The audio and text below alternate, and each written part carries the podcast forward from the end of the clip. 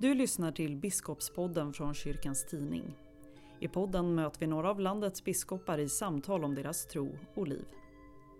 Johan Dahlman är sedan ett halvår tillbaka biskop i Strängnäs stift, den 58 i ordningen. Redan under uppväxten kom han i kontakt med olika grenar inom den svenska kristenheten och han berättar varför han ägnat så mycket tid åt ekumenik. Biskopen har också tankar kring hur man kan jämföra bön med tandborstning. Och så berättar han om hur syster Dalmatia ledde in honom i trädgården, bokstavligen och andligt. Samtalet leds av Barbro Matsols. Dina första kyrkliga, kan man säga, trevande steg, de tog du i en katolsk lekskola som barn. Hur kom det sig att du sattes i en katolsk lekskola?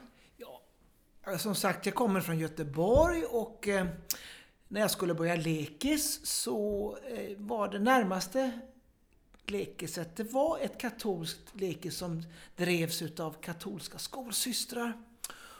Och det var bra, man fick lära sig knyta skorna och man fick lära sig eh, göra pärlplattor och man fick lära sig blåsa blockflöjt och sådär. Så det ville mamma att jag skulle, pappa att jag skulle gå i. Och så kom jag dit och vi var ju inte katoliker, det var ju inte, utan vi var ju svenskkyrkliga.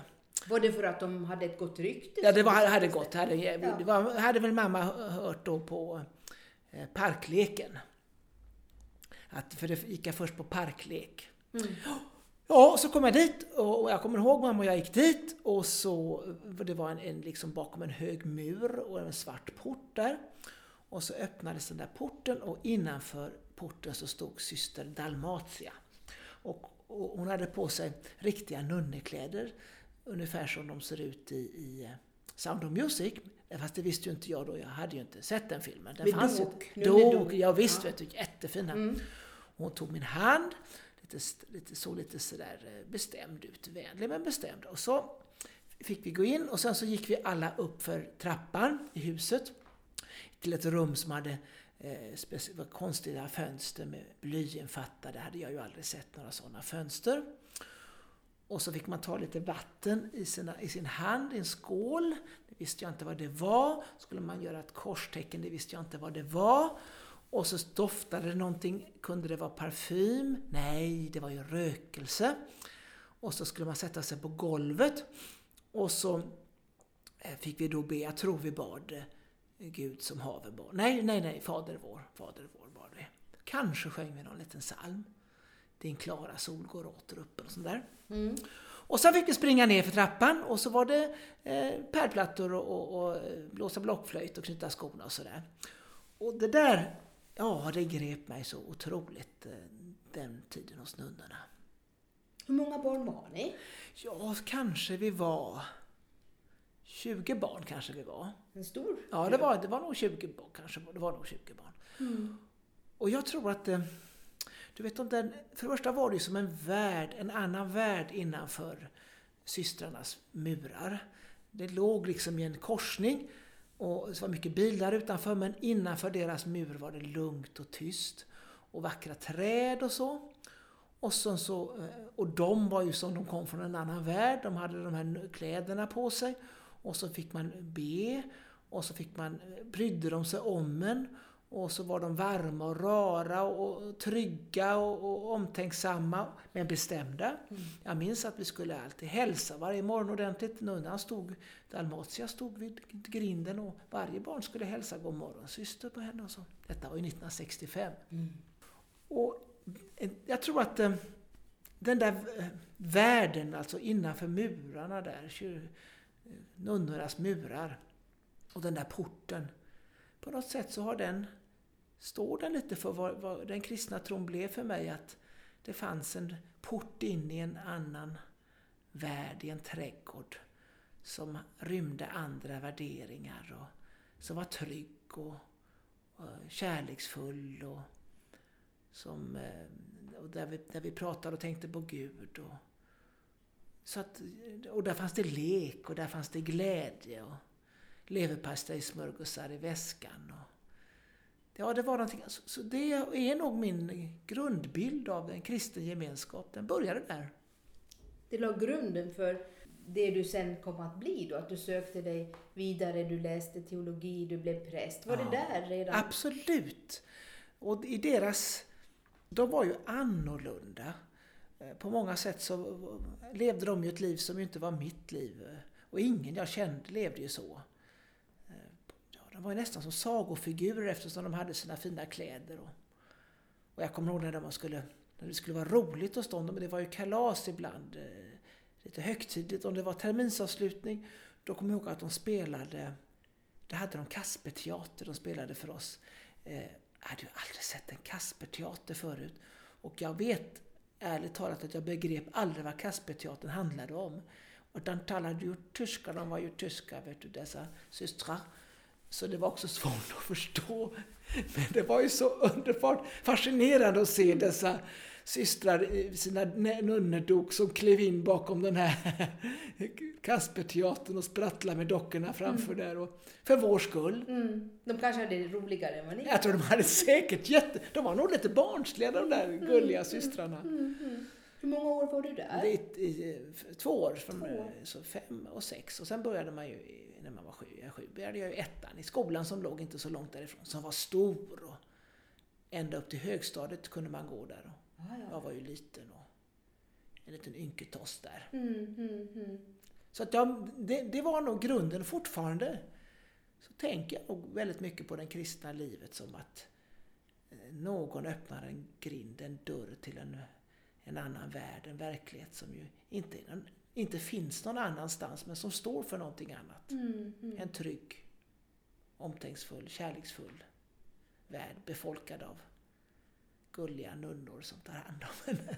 Så det var det som formade dig? Ja, jag tror det. Det har jag eh, inte tänkt så på förut, men ja, så är det. Mm, mm. Sen hade jag en mormor som var from eh, och en mamma har jag fortfarande som är from på sitt sätt. Hon pratar alltid om Gud som han oppanpå, ungefär som det var en granne. du. Ja, ja, han oppanpå tycker det och det skulle han oppanpå nog tänka. Och, Mm. Han där uppe. ja, han där uppe. Det är så trevligt att tänka på Gud som ha- han oppanpå. Ja, ja, ja. Vad säger din mamma om det då? Att, att, att eh, de satte dig i en katolsk lekskola och så blev det då den här... Han hoppade. Ja, eh, de gjorde väl det, förstod väl vad det var för väg de satte mig in på. Det måste de ju ändå ha begripit och, och de har alltid varit väldigt uppmuntrande och bejakande och så. Men jag vet att under tonåren när jag sa, för jag visste ju då att jag ville bli präst, fast jag visste ju inte vad en präst var. Men då så sa mamma, men du vet Johan, om du vill hjälpa någon kan man bli, man kan bli doktor och man kan bli advokat och kan bli lärare och så. Man behöver ju inte bli präst. Så att jag tror att hon hade nog andra tankar om vad det där skulle bli. Hon höll emot. Ja, hon kanske mindes sin barndoms och tänkte att så där ska jag. Mm. Då kanske hon trodde att jag var lite för glad för att bli präst. Jag vet inte vad hon tänkte. Mm, mm. Men det blev du? Det blev jag och jag är jättelycklig för det. Och när jag var, eh, hade konfirmerats, måste det ha varit ja, så eh, skulle man göra pr- prao, pryo. Mm. Och då gjorde två kamrater och jag, vi gjorde det som präst. Det hade aldrig någon, och du förstår det var kul för att nu precis så var det så att i den tidningen som var lokaltidningen där jag växte upp, Norra Halland, så fanns det en, en rapporter där, Chico. Och Chico, han, han hade nu, du vet, detta hände för, vad det nu var, x antal år sedan, detta hände, ja. Och då hade han ett reportage om detta hände och så var det en bild när vi sitter i soffan där, vi tre grabbar, tre pryade som präst stod det. Och, och, och då så var det någon som såg det nere från Kungsbacka där jag kommer ifrån. Och skickade med den där bilden och sa titta här, det var någon som har tagit en bild på dig. Och då tog jag kontakt med journalisten och sa, hör du, jag blev faktiskt präst. Eh, Och den, eh, en av killarna blev eh, kantor och den tredje tror jag faktiskt blev församlingspedagog. Så Så vi blev, ja, vi blev alla tre någonting där. Oj. Tre pryade som präst. Och så, Och Chico han fick rätt alltså. hur kände du när du såg bilden? Vad, vad, Och att jag ser framför för- mig, att första ser jag ut som jag är, är, är ungefär i, i, i koma. Generad var jag antagligen. Sitter där i, i min stickade polyestertröja. Och, eh, men så visst, visst, jag känner ju igen mig själv och tänker det är inte så stor skillnad på Johan Dahlman eh, 1900 74 och, och, 1900, och 2006 Mm, mm. ton. Eh, Det är ganska samma, samma det, är ju en, det finns ju ett, liksom en förväntansfullt barn i mig fortfarande som Mm. tänker vad vill Gud med mig nu? Och Mm, jag är nog alltid lite pryoelev tror jag. Ja, det är väl en bra inställning att man alltid lär sig mer. Vem eller vilka personer annars har, har betytt mycket för dig och din, din, din tro, din andliga utveckling? Har du, har du några sådana personer som finns med i bakgrunden där? Det där syster Dalmatia som jag berättade, hon som tog min hand och, och förde mig in i, en, i sin trädgård. Mm. Trädgården är fysisk och trädgården är trons trädgård också. Det finns ju flera sådana i mitt liv som har tagit mig vid handen. Mormor och mamma. Och eh, när jag, min konfirmandpräst eh, Gerhard Wetterqvist och prästerna som kom till min församling och de som var engagerade i kören och som jag sjöng i kören och den som jag spelade orgel för, stackars människa, vad han fick plågas med mig. Aldrig övade jag. Glad var jag varje gång jag kom. Och vad trevligt det var att få komma. Men han sa, Johan du vet, du måste ju öva nu emellan. Och vi kan inte varje gång bara jassa utan du måste ju liksom... Ja, jag ska öva, sa jag Sverker. Han är professor nu i- orgelspel uppe i, i, i, någonstans. Ja. Ja men Johan, du måste ju... Ja, det är trevligt ändå. Men Du var lat, eller? Lat och lat var jag säkert. Du har rätt Barbro. Lat var jag nog. Jag tyckte det var roligare. Jag kommer ihåg att jag satt där och skulle öva på pianot och då var det mycket roligare att liksom spela lite någonting annat än de där eh, skalorna. Mm, mm. Och så var det ju prästerna i min församling eh, som ju de tillhörde ju liksom olika traditioner i allra högsta grad. Gammalkyrklig var någon, två stycken var gammalkyrkliga och då var det mycket Bibeln och tredelad predikan och trons... eh, eh, Det var ju charta och väldigt mycket sådär. Mm. Och sen kom det eh, en, en som var munk. Som också var präst i Svenska kyrkan. Som faktiskt som är katoliker nu, men det var han inte då. Och då kom ju detta mycket med eh, det andliga livet och att leva ett liv i bön. Och, och så faktiskt väldigt, de har ju också tyckte mycket om England. Så de tror jag sporrade mig. Du vet ju det här Barbro, att jag älskar ju England. Jag så det vet. fick jag mycket. Det var där det Ja, jag tror faktiskt också där faktiskt. De skrattade mycket. Jag tror att det var nog alla de här prästerna i och för sig var väldigt glada. Men jag kommer ihåg att vi skrattade väldigt mycket och jag liksom fick en känsla av att Gud kan man, man kan skratta och vara glad man tro och är mycket glädje. Mm. Och de, men de var så allvarliga i sin tro och, i sitt, och levde sitt liv i bön, men glada var de verkligen. Vi drack te och pratade om Mont Athos på Grekland och om ja, allt möjligt. Jag fick Bo Giertz Stengrunden läste jag. Och sen kom det en präst som var mer eh, lite åt det evangelikala, lite väckelsefromma. Eh, Och, och då fick jag det här med, så det här med frimodigheten och att våga säga, Mm. tala om min tro. Och, Mm. och vi sjöng bibelvisor. Eh, inte genom någon människa. Och alla de där sångerna som vi Mm. sjöng. Och, och jag åkte på läger. Och, och sen var det en, en, en kamrat till mig som hade en pappa, han- Hans, Hans, som varje fredag satt med oss i ungdomslokalen. Som vi fick nyckel till. Du. Jag fick nyckel, kommer jag ihåg, till det alldeles nybyggda församlingshemmet. Utav eh, kommunisten, där fick jag nyckel. Tänk vilket förtroende. För vi fick gå in själva. Och jag spikade upp några tavlor där minns jag. Så satt vi där på fredagarna och han läste Bibeln med oss och pratade och var som en pappa eller kompis eller så. Mm. Bjöd, gav oss sina fredagar. Flera år gjorde han det och när han skulle säga, du vet, nu måste jag börja vara hos min egen familj. Och besvikna vi var. Men Hans, du hör ju till oss, du ska ju vara hos oss på fredagarna. Mm. Men jag måste vara hos min familj, sa. Ni, får, ni kan väl själva, ni är så duktiga. Mm. Så han var, han var, Han var underbar. Ja, många Ja. sådana där människor och, Mm. som jag kan tänka. Och sen när jag kom till Uppsala så eh, fanns det ju många som jag betydde mycket för mig. En särskild var ju Bo Sävström. Som var, sen blev, han var domkyrkokaplan då. Fantastisk person. Han var ju from och duktig predikant. Och han var inte rädd för eh, mötet mellan kyrka och samhälle och näringsliv. Och han, det var inte liksom någonting man gjorde då. Kyrka var kyrka och mm. stad var stad. Man respekterade varandra men Bosse vågade närma sig det och vad mycket roligt vi hade. Och han gav mig också förtroende. Jag fick predika och jag fick återigen en nyckel till domkyrkan. Jag kunde mm. få gå in där på natten till och med i Uppsala domkyrka. Och mm. Jag fick hjälp att arbeta där. Ja, många personer som på olika sätt har tagit mig vid handen och utifrån sin fromhetsriktning inte sagt till mig Johan, du måste bli som jag. Mm. Eh, men du, men du, ska, du ska se vad jag har upptäckt. Därför kan jag känna väldigt stor respekt för många olika mm. trostraditioner i Svenska kyrkan. Och jag börjar liksom, tror jag, i en, en gedigen eller en genuin... Jag tycker om eh, många olika trostraditioner. Och, och det tror jag hjälpte mig sen när jag höll på med ekumenik. Mm.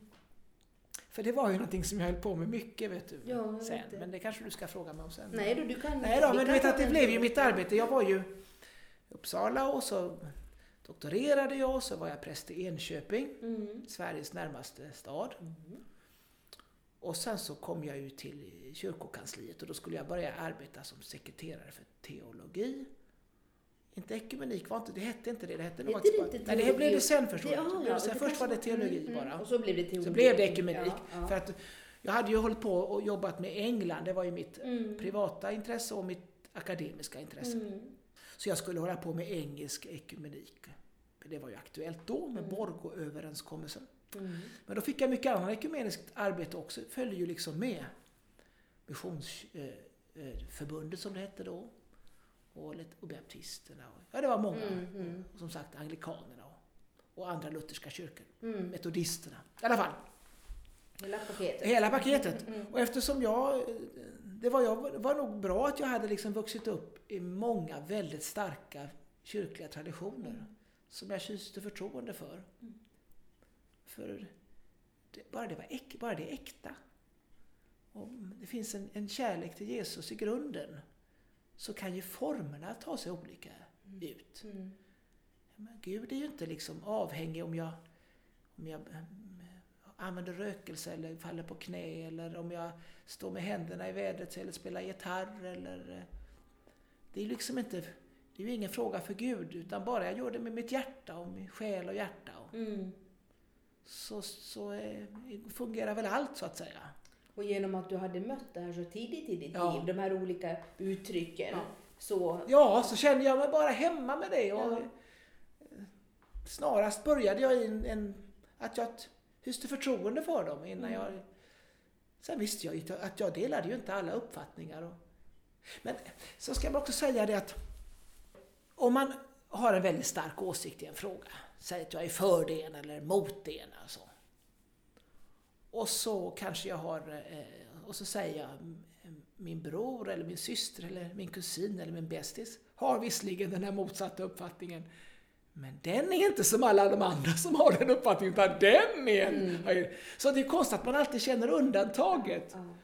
Man måste ju inse att de flesta människor vill ju väldigt väl och försöker ju hitta någon styrsel på livet. Mm. Och är ju inte liksom illvilliga i sitt sätt att formulera sina tankar. Utan det gäller ju att begripa varför människor tar den ståndpunkt de gör. Mm. Mm. Och utgå från det. Och, och, kanske försöka närma sig det. Och då kan man säga att jag förstår att du är, känner att den kristna tron är hotad om den här frågan blir mm. ruckad på. Mm. Och jag kan och då delar jag den uppfattningen med dig. Men jag tror inte den ruckas, för jag tror att det finns en annan tanke som är starkare. Mm. Som övervinner det där. Eh, skulle du vilja prova den tanken? Eller? Och jag kan prova lite på din tanke också och se om den, om den att jag ska kanske mildras lite i min ståndpunkt. Finns den öppenheten och den nyfikenheten för den andres uppfattningar då, så att, att det är ett bra sånt ekumeniskt samtal? Idag. Om inte om vi umgås eh, på avstånd. Eh, inte om vi umgås via artiklar eller eh, föredrag eller eh, Twitter eller så. Mm. Facebook. Då tror jag att det är väldigt lätt att jag säger korkad idé eller. Fyrkantigt. Fyrkantigt, det blir lätt så. Mm. Mm. Men när jag möter dig, ser dina ögon och pratar med dig då inser jag ju att, eh, att det, det, finns, det finns liksom fler nivåer i dig Mm. än den där åsikten bara. Mm. Och så hittar vi varandra, jag är alldeles övertygad om det. Mm. Det händer ju mycket på det ekumeniska planet. Jag tänker att påve Franciscus ska komma till Åh. Lund i, i höst Mm. och lutheraner och katoliker börja på eh, överbrygga klyftorna som skedde i och med reformationen. Man säger att såren är läkta. Hur ser du på det? Det som händer nu, vad är det vi är med om? För några år sedan så eh, prat, först var det ju lite eh, eufori, e, eufori när järnridån föll och alla tänkte att nu är det väl liksom ett enda stor gemenskap allting och eh, så att säga eh, det gamla Sovjetimperiet har fallit och, och vi har ett ansvarsfullt förhållningssätt till, till syd och sådär. Mm. Nu börjar vi om. Och sen så märkte vi kanske att det inte var så lätt att börja om i alla avseenden utan våra gamla försyndelser sprang ikapp oss. Och öst var kanske inte riktigt eh, berett på att omfamna oss helt och fullt. Och de har också sin stolthet och sådär. Mm. Så då pratade man ett tag om den ekumeniska vintern, eller istiden till och med. Det var. Mm. Men det tror jag, är- där befinner vi oss inte nu utan ja, Franciscus är nog ett tecken på någonting som håller på att ske. Han är ju en sån, som vi förstår honom, en sån genuin och äkta och trovärdig person. Och målmedveten och beredd att göra upp med det som är skamligt och smutsigt i sin egen tradition. Mm. En, en hedersman verkligen. Mm. Och samtidigt som vi gör det och tar, oss honom till, tar honom till vårt hjärta så kanske vi vågar också ta till oss att han är liksom inte någon fritt seglande eh, luftballong ovanför sin egen tradition utan han är ju fast rotad i sin ro- romersk-katolska tradition. Mm. Så eh, tar vi, in, tar vi honom till vårt hjärta måste vi också acceptera att han har också många ståndpunkter som vi känner oss främmande för eller obekväma med eller Mm. inte förstår oss på och som vi i så fall måste omvärdera. Om vi tycker om honom så måste vi kanske närma oss åt dem också. Mm. Mm. Så det är det första tror jag han kan göra, att han kan få oss att våga tänka. Mm. Att det är ju inte så att alla som är, inte är som vi, eh, har fattat fel. Utan de kanske har en annat Mm. bevekelsegrund. Mm. Mm. Och sen så tror jag också att eh, den, den situationen som vi ser i världen med där vissa i, i, i islams namn, kanske man ska säga snarast än att, än att islam, men människor i islams namn eh, gör fruktansvärda saker och, och gör också att människor börjar fundera över om någon kan göra detta i en religions namn, vad, vad gör vi i vår religions namn? Alltså vad står vi för? Vad är det att vara kristen? Och hur går det för våra kristna trossyskon som utraderas från kartan på vissa ställen Då? Kommer hit och säger till oss varför står ni inte upp för oss? Eller var fanns ni? Var finns ni? Mm. Och hur är det att vara kristna här och vad ni är tillbakalutade i er kristna tro? Ni tar ju det som en hobby. För oss är det frågan om liv och död. Jag var i eh, Södertälje strax före jul. När den armeniska katolska kyrkan skulle invigas.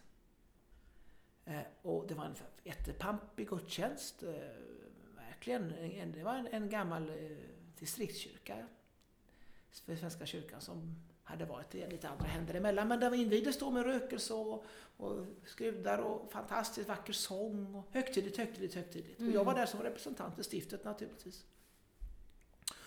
Och så eh, var gudstjänsten slut och, och eh, Boel Goder som, är, som är, ju kommunalrådet där talade så fint och, och välkomnade och så. Och sen kom eh, biskop Schabo fram som ju är syrisk ortodox. Mm. Och så sa han så här att det är ju en gammal man, en eh, bruten hälsa. Och så står han där framför oss alla och, och så säger han mycket välkomnande ord och gratulerar församlingen till sin nya kyrka. Och så sa han att eh, när ni eh, svenskar eh, är på- är på resa, eh, då kan ni resa hem. Då är ni turister och kan resa hem igen. Eh, när vi är i, ett annat land har vi inget hem att resa till. Vi kan aldrig resa hem. Vi är alltid så att säga, landsförvisade, finns inget hem kvar. Mm. Och så, han sa det helt utan eh, agg eller... Eh, det var bara en, en bruten man, en, en ledsen man. Mm. Och så skulle jag, eh, var jag nästa liksom, person att säga någonting. Och jag brukar inte bli nervös, eh, aldrig. Eh, och jag liksom, men jag tänkte när jag satt där, vad ska jag säga? Jag kan inte liksom ställa mig upp och säga Välkommen, hälsa från Strängnäs till välkommen hit och vilken fin... Det blir så platt. Och, och jag kan inte heller ställa mig upp och säga vi känner med er och, det blir också liksom som att sparka in öppna dörrar. Jag måste ju säga någonting riktigt.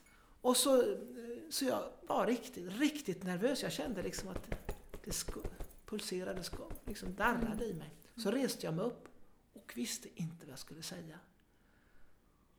Och så du vet, när jag reste mig upp så liksom åkte korset fram som hänger, du vet, biskopskorset. Ja. Och så tänkte jag, nu vet jag vad jag ska säga. Och så så sa jag det här korset som jag har runt halsen här, bär runt halsen, det är ett mycket fint kors. Det var ett kors som Gustav IV Adolf gav eh, till biskopen i Strängnäs år 1806. Kungen gav det till biskopen. Alla biskopar i Sverige har ett kors som Gustav IV Adolf som kungen gav. Och det är också, så det är värdefullt rent historiskt och det är också värdefullt, det är gjort i, i solitt guld, så det är också värdefullt på det sättet. Men det fina med det här korset är inte att det är, är, är, är dess historiska värde och, och är inte heller dess, att det är gjort i solitt guld utan det viktiga och det finaste med det här korset det är att det är tomt. Att korset är tomt. Att vi inte bär en, en död Gud på vårt bröst utan ett tomt kors. Att det inte är långfredagens kors Gud vi bär utan det är påskdagens, påsknattens Kristus vi bär på vårt bröst. Och den, det korset säger kyrkan åt mig att, att alltid bära främst på mitt bröst. Att alltid komma med hoppet om den uppståndne. Och så kommer jag till er idag med ett tomt kors. Och vet du, de orden hade inte jag när jag ställde mig upp. Jag visste inte vad jag skulle säga. De kom till mig, de orden. Jag ska säga, det var, det var Herren som kom med de orden till mig. Jag var lika förvånad själv. Överraskad som de jag talade till. Det tomma korset. det är ju bara det, att vara kristen. Att vara präst och biskop och att vara döpt. Det är ju egentligen att gå med ett tomt kors på bröstet. Att alltid komma med hoppet. Mm. Det glädjefyllda Alltid glädjen. Mm, mm, mm, och du är ju en sällsynt glad person du, Johan som när du blev biskop så var du så glädjestrålande så vi har sällan sett dess like. När du vann biskopsvalet, du vigdes och du bubblade av glädje. Och våga visa det också. Ja, men jag kan inte, kunde inte något annat. Där jag stod där framme i eh, Uppsala domkyrka och eh, hade fått på mig då det, korset och, och mitran, mössan alltså, och den där staven och kåpan och alltihopa. Det var ju så högtidligt och det var, man sjunger den där Veni create spiritus och sådär. Och så vände jag mig om. Jag var väldigt, väldigt glad. Men jag tänkte, jag måste ju nu visa någon värdig, lite glad kanske jag kan se ut. Men så, nere på södra sidoskeppet så, när jag tittade dit så var det ett, ett helt kvarter där med människor, eh, bland annat från Örebro, det var flera stycken, eh, också från Strängnäs här. De ställde sig upp och skrek tjoho! Och då kunde jag inte hålla mig. Så jag liksom wow! Jag tänkte ja! Nu är jag jätteglad! För jag var ju jätteglad över det här förtroendet och uppdraget och mm, mm, mm. att få just få bära detta glädjens budskap. Och det underbara med att vara eh, biskop är ju att eh, jag behöver ju inte uppfinna min roll. Den är ju färdig. Mm, mm. Eh, jag har ju uppdraget är klart. Jag ska bara fylla i det med lite Johan Dahlmanskt. Men mm. 98% av uppdraget är ju liksom, har ingenting med Johan Dahlman att göra överhuvudtaget. Mm. Utan jag ska ju vara ett tecken på att vi hänger ihop och håller samman. Och det är ju mitt uppdrag. Och jag ska vara ett tecken på att vi eh, gå framåt eh, med någon form av ledning mot ett mål. Och jag ska ju vara ett tecken på att, eh, att vi gör det i kontinuitet med det som har varit och att vi inte är rädda för framtiden. Mm. Jag ska vara ett tecken på eh, att ingen ska, ingen ska, ingen ska glömmas bort eller springa i förväg. Och, mm. och jag ska vara ett tecken på att, att vara kristen och vara företrädare på kyrkan är också vara en människa. Jag har, inte bara vara en fyrkantig roll utan vara mig själv mm, mm. som kan bli glad i överkant ibland. är du född glad? Ja, jag är väldigt, väldigt absolut. Det finns nog alltid glad nästan, alltid glad. Men jag var på en, jag hade en begravning eh, för, för en, inte så länge sedan i Uppsala. För en person som hade betytt väldigt mycket för eh, musiklivet där och teatern och, och sådär under flera decennier. Eh, Verkligen, och fyllde domkyrkan gjorde men för det var så många som han betydde mycket för. Och när det var eftersamling efteråt så, så höll ju många fina tal och så. Då var det en som sa eh, så, någonting så klokt tycker jag. Han sa Man säger ibland att motsatsen till eh, glädje är allvar. Men så är det inte. Motsatsen till glädje är vardag. Är liksom det slätstrukna måttet, det gråa, allmynderliga. För det som gör att man skrattar till, det är liksom att man upptäcker någonting som sticker ut. Mm. Någonting som är, eh, du vet, som är, liksom inte passar in i formen. Det är då man blir glad. Mm. Mm. mm. Eh, det där andra, det har man ju inte lust att, behöver man inte spralla och glädjas mm. åt. Men vad gör du när du blir arg då? För det måste du väl bli någon gång? Är det, är det ovanligt hos dig det? Nej men jag kan bli, inte ofta blir arg blir jag inte ofta. Arg blir jag kanske när någon, eh, när eh, folk är orättvisa, orättvisa mot andra, orättvisa mot mig, kanske misstror mina avsikter. Då blir jag arg eller ledsen. Och ibland önskar jag att jag hade lite tjockare hud. Och jag tänkte nog när jag, eh, ja, det, redan när jag var chef för bokförlaget Verbum, men eh, också när jag var, varit chef på olika ställen och nu och när jag var domprost, för det var jag ju innan, och nu när jag är mm. biskop, att det skulle inte skada om jag hade lite tjockare hud. För det har jag inte sådär, inte väldigt tjock hud. Utan jag tar åt mig, det gör jag absolut. Så sover jag på saken så brukar det gå över. Mm, mm, mm. Eh, men jag blir ledsen om folk misstror mig eller tänker liksom att, eh, att glädje är detsamma som ytlighet. Mm. För det vill jag absolut inte vara, en ytlig person. Men jag kan inte undlåta att vara glad. Och det är ju det glada budskapet vi kommer med. Mm, mm. Jag har ju fått glädjen. Mm. Men eh, jag kan dela din sorg, jag kan verkligen och menar, i, ett, i ett sammanhang där det är det som, vi, vi, som är i fokus, sorgen, så är jag ju verkligen inte någon sprallig typ, utan då är jag klart jag kan vara allvarlig i allra mm. högsta grad. Mm. Mm. Ja, det, är inte, det står ju inte i motsats Nej, verkligen inte. Nej, Nej, men, men grundtonen är glad. Ja, det är den ja. absolut. Ja. Och det är väl en fantastisk egenskap att ha, att, att få kunna vila också i glädjen. Oh. För livet i sig rymmer väl så och mycket. Jag måste berätta något roligt som hände mig häromdagen. Eh, jag var pratade till, för, för ungdomar på kursgårdens, eh, utan, kyrkans kursgård utanför Örebro. Som heter Soliden. Och det var såna här eh, konfirmandledare alltså, du vet, som har konfirmerats för ett år sedan, två år sedan och sådär. Och som, som sen då skulle peppas och, mm. och fyllas på. Mm. Så skulle jag komma dit, biskopen skulle komma och prata en timme. Jättefina ungdomar, jätteroligt. Och jag tänkte, då ska jag prata liksom om mitt liv, hur jag kom till tro och varför jag är där jag är. Och vad jag tänker om bönen och sådär. Mm. Ja, jag pratar på där. Jag vet inte, kanske inte var jag på topp sådär men så dåligt var det ju inte. Mm. Nej. Och så var, eh, hade vi trevligt och fika då efteråt och sådär. Och de fick ställa frågor och så. Och sen så eh, när jag hade åkt så skulle de ju utvärdera alla sina moment för den här helgen och där fick de skriva saker på, på blädderblock. Och så fick jag en bild på det här blädderblocket där de hade skrivit om timmen med mig. Mm.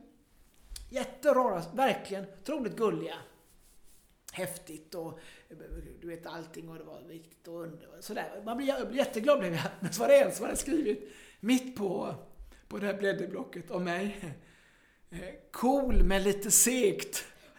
Jag tycker det är så underbart! Cool men lite segt. Jag tänker det är precis det man behöver höra. Va? Mm. Han tyckte, eller hon eller han, tyckte väl om mig.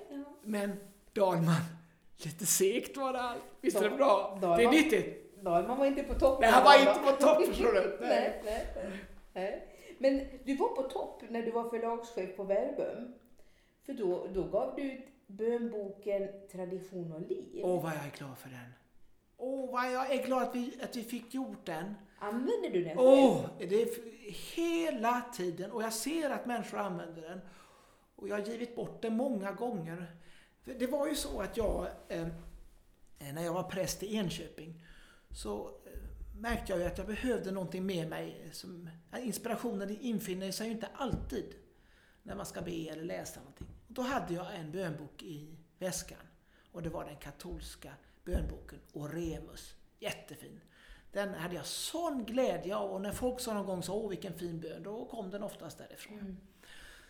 Men när jag då kom till Verbum så tänkte jag, varför, vi kunde väl göra en i Svenska kyrkans tradition?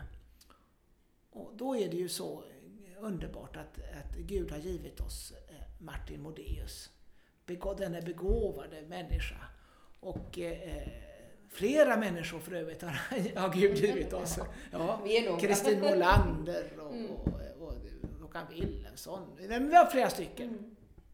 Och eh, eh, så gjorde vi den där bönboken och då hade vi ju som sagt Tradition och liv att utgå ifrån som är ju en väldigt begåvad mm. bok.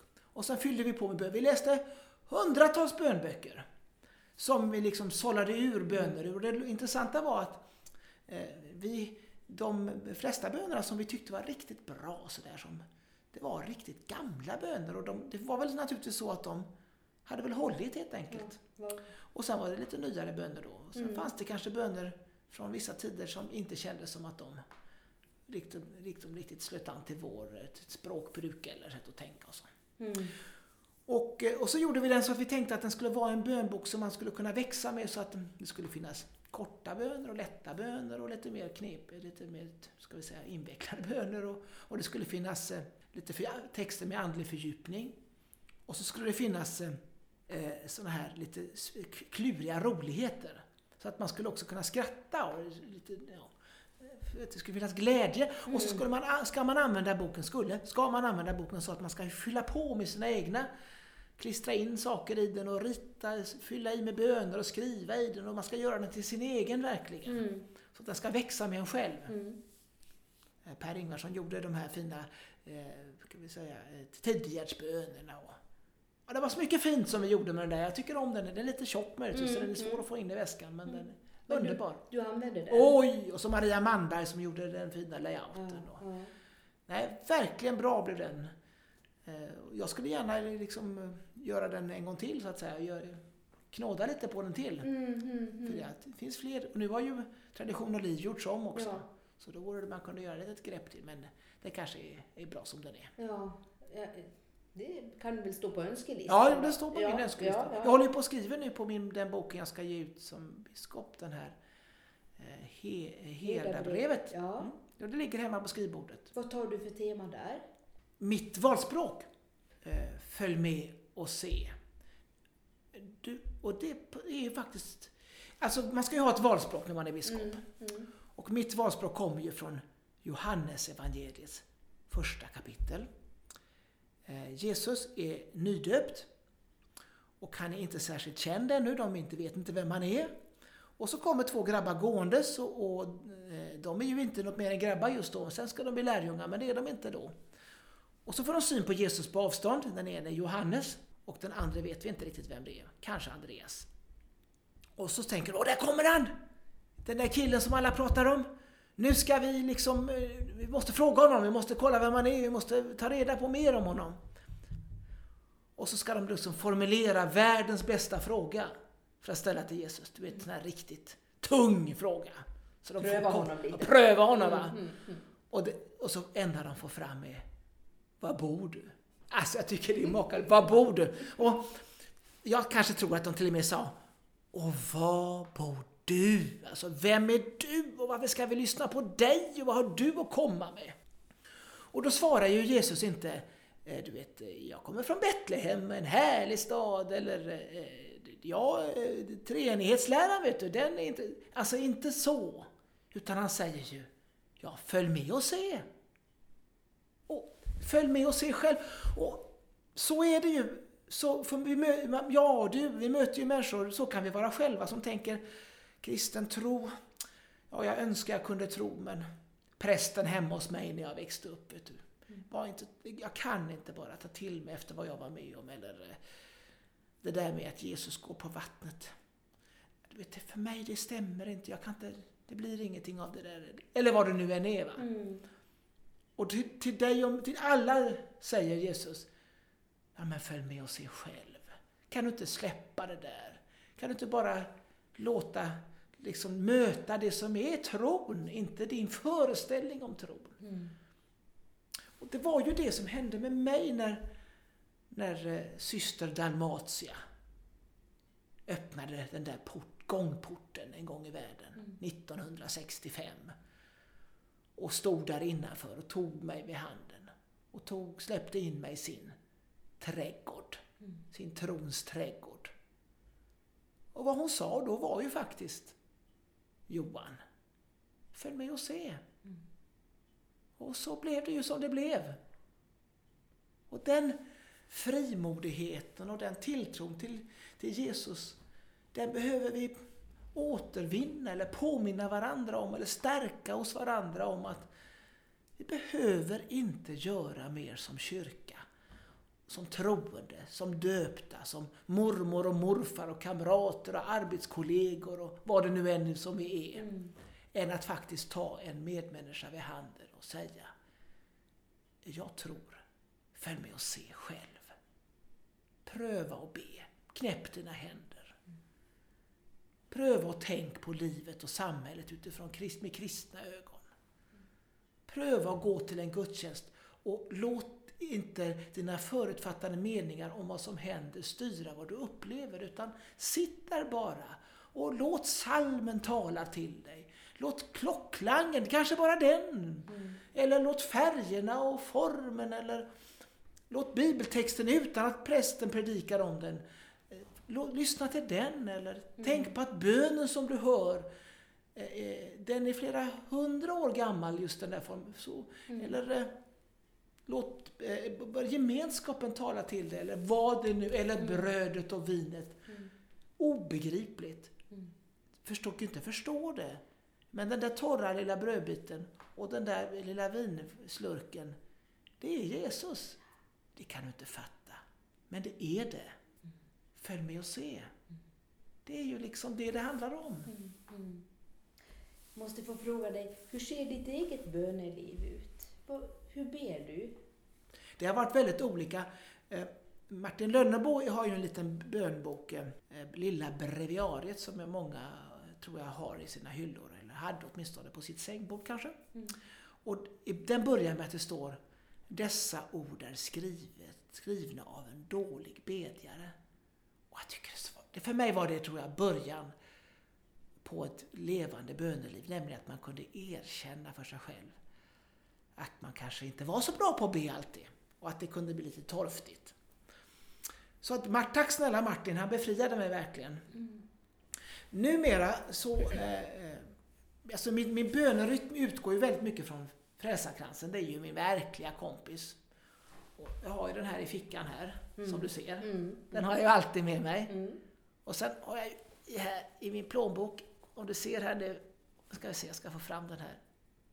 Har du sett? Oj, den var liten. Ja, den är liten förstår du. Har du gjort den själv? Ja, det har jag gjort den faktiskt. Det har? Ja, jag har gjort det. Lite. Så jag har alltid med mig den lilla, lilla frälsarkransen. Så den är på något sätt eh, ryggraden i mitt böneliv. Den är ju alltid med mig. Men sen så vaknar jag tidigt. Kanske 10 fem ungefär. Och så har jag en liten, eh, en, en liten bön, eh, en liten, lyssnar jag på en liten, för, för, en liten bön, en engelsk liten bön. Mm. Som är ny varje dag. Och sen läser jag, nu ska vi se hur många jag läser nu. En, två, tre, fyra stycken olika eh, böner och bibelutläggningar. Engelska de också. Är de bättre än de svenska? Eh, jag vet, jag gillar ju det med engelska Mm. på något sätt. Jag vet inte, det är som... eh, Det, det är roligare liksom när när skurkarna pratar engelska än när de pratar svenska. Mm. Så det är nog samma sak med mig också. Jag tycker om när jag läser Mm, på engelska. mm, mm. Det finns ju jättemycket bra på svenska, otroligt mycket. Men jag har fastnat för det här engelska. Mm. Och eh, då är det en, den första, eh, den är, kan vi säga, den är, tycker jag, den kanske är den mest gedigna. Eh, Den är, utgår från en bibeltext och så är det en reflektion, lite exegetisk, lite till, så, och sen en bön. Sen kommer en som är väldigt mycket, mycket exegetik, alltså bibelkunskap. Mm. Lite torr och sådär, men nyttig. Också slutar med en bön. Sen är det en som är väldigt evangelikal. Väldigt eh, eh, otroligt. Också bibeltext och med mycket om eh, hur jag ska tänka och ändra mitt liv och sådär. Den är nyttig. Mycket hur ska, han ska handla. Och sen den fjärde, eh, den är eh, någonting mitt emellan och den är bra. Sen så, när jag har gjort det, så läser jag eh, eh, morgonbönen, en, morgonbönen enligt eh, Tidegärden, alltså i den där medeltida bönetraditionen. Och den är ju, det är ju liksom man läser saltarsalmer och man läser vissa traditionella böner, ett litet stycke ur Bibeln och man ber Herrens bön och sådär. Och eh, ibland så känner jag verkligen att det ger mig någonting bra, mycket bra och ibland så känner jag kanske att eh,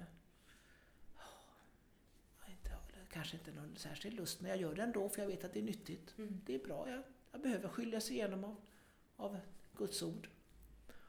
Eh, och sådär lite olika. För att, jag Mm. vet, jag, jag tänker, man- du vet man kan inte alltid, man ska inte tänka om böneliv som att det alltid, för det första att man ska känna för det innan och att det har gjort någonting efter. Mm. Eh, Utan bön, jag behöver ju prata med Gud. Ska jag vara kristen måste jag prata Mm. med Gud. Mm. Och då kan jag inte... Och den jag älskar och vill fördjupa min kärlek i och hålla igång, den måste jag ju prata med. Mm. Pratar jag inte med mina barn, pratar jag inte med min hustru, pratar jag inte med mina föräldrar, Mm. så slocknar ju liksom, svalnar ju relationen. Jag måste ju prata med Jesus, jag måste prata med Gud. Och då kan jag inte alltid känna för det. Eh, jag tycker faktiskt man kan jämföra bön med, med tandborstning. Och då är, då är tandborstning, det gör jag ju. Just do it. Jag just do it. Jag funderar ju inte över, nu ska jag tänka, Mm. nu träff- träffar jag Barbro idag. Och henne vill jag gärna att det ska bli trevligt så att jag, jag borstar tänderna idag. Men, men, men imorgon så träffar jag eh, Fredrik och, och han, nej, jag struntar i tandborstningen. Det gör jag inte, utan jag borstar ju varje dag för jag vill ju ha kvar mina tänder. Mm. Mm. Och, och, och så är det ju med bönen också. Mm. Benediktus, inte han före påven utan Benediktus som var liksom urpappan till klosterrörelsen Mm. för 1500 år sedan. Mm. Han skapade ju en regel och enligt den här regeln så ska man ju be ett antal gånger per dag. Morgon, middag, kväll och några gånger till. Mm.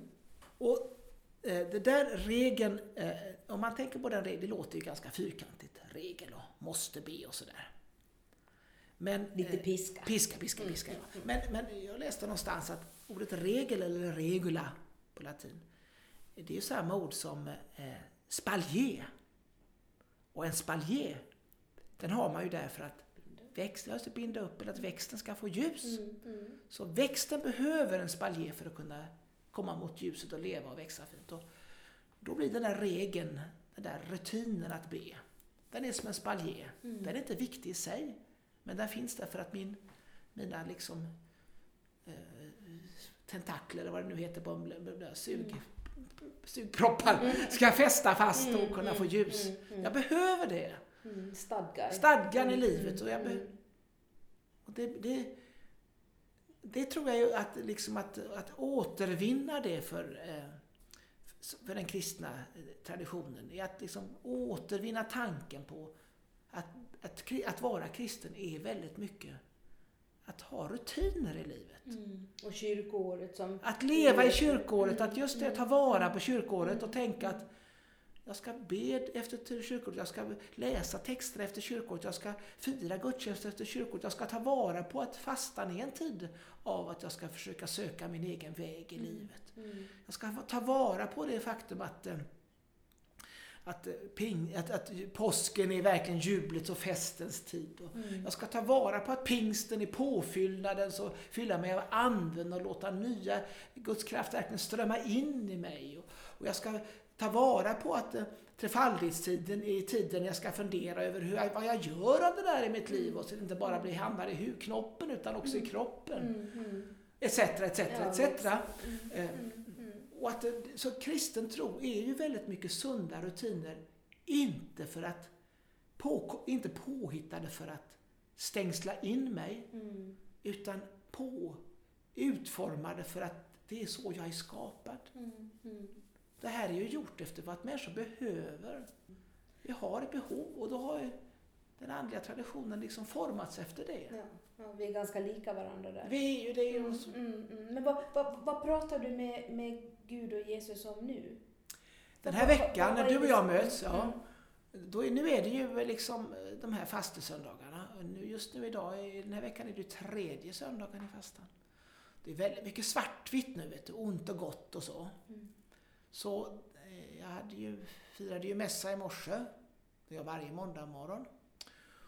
Och då så var det, var, vill jag utgick jag från episteltexten och då är det Paulus då pratar han om i Efesierbrevet där om att nu är det så att det är farligt med ondskan.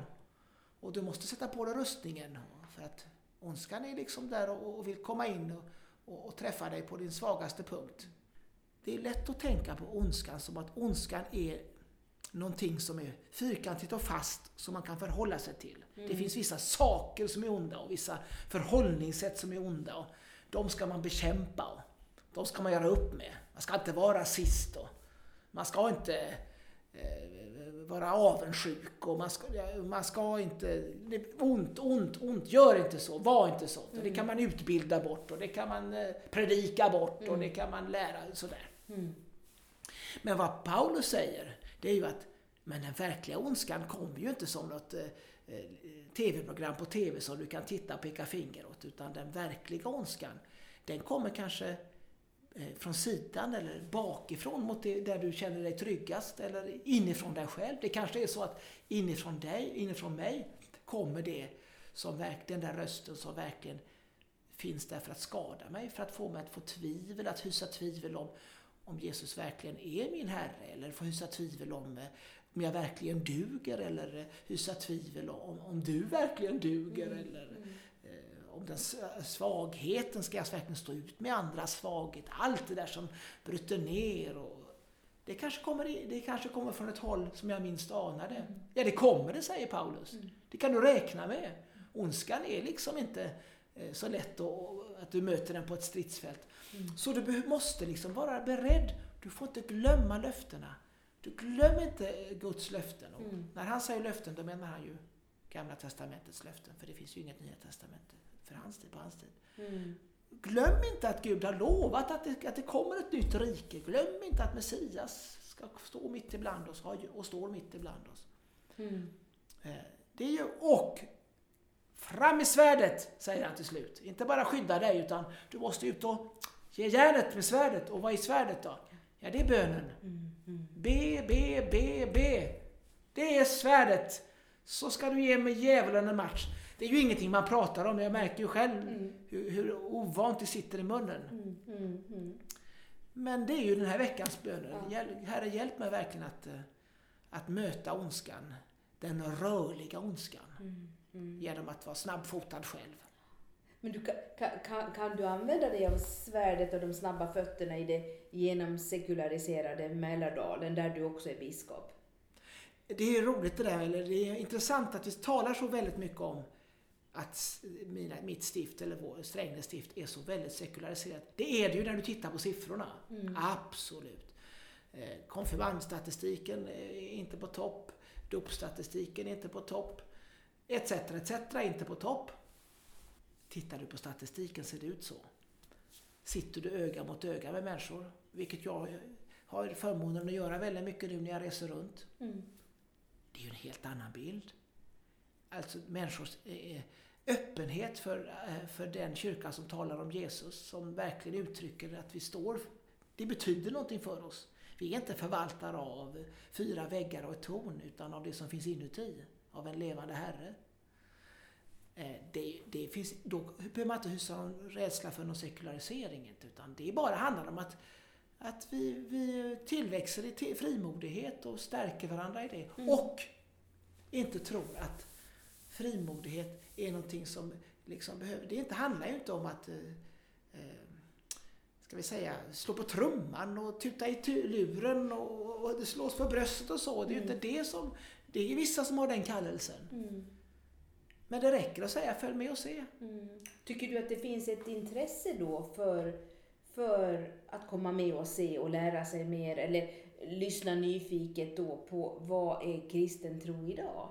Ja, om, det gör det om jag eh, eh, vågar uttrycka det på ett sådant sätt att det känns begripligt och gripbart för mm. människor. Mm.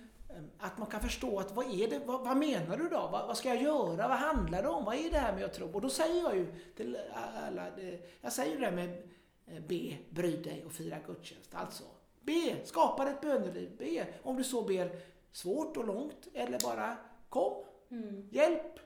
Gud som haver barnen kär, vad du nu ber. Mm. Mm. Eh, och så bry dig, alltså engagera dig där du bor och i den värld du lever i. Mm. Eh, också med kristna förtecken, också bara som vanlig samhällsmedborgare. Rösta och kratta gården när det är bostadsrättsföreningens krattardag. Och bry dig! Mm, mm. Och ta med dig ditt, din, din bön och ditt engagemang in i söndagen och gör den liksom till en, en högtid, en glädjens högtid där du firar det faktum att allt det där har mening, får mening i ljuset av Gud. Mm. Du lyfter fram det för Gud. Mm. Så du är hoppfull där? Du tror att jag tror vet du, faktiskt att, eh, att det är inte så att vi tittar in i ett mörkt hår, svart hål utan snarast är det en, en väckelse. Jag skulle säga att vi, vi är, väckelsen är nära. Och det säger jag inte för att jag hoppas att det är så. Utan jag säger det för att jag tycker att jag känner det när jag är ute. Och att det finns en längtan efter en kyrka som säger verkligen att jag tror. Och det är inte mer komplicerat än så här. Mm, mm. Du kan du också. Följ med och se! Eh, eh, du kommer ihåg eh, Tore Wretman? Mm. Operakällaren. Operakällaren och den duktiga ja. kocken och alla, mm. alla beundrar Tore Wretman. Och han åkte ju till Frankrike och var på de finaste krogarna där och, och, och höll ju på och lärde sig det finaste franska köket och kom tillbaka till Sverige. Och alla tänkte att nu kommer en, eh, nu ska det bli franska köket här för fulla muggar. Vad sa han när han kom tillbaka? Jo, han sa smör och grädde, sa han. Alltså, laga svensk husmanskost med goda, gedigna råvaror. Använd smör och grädde.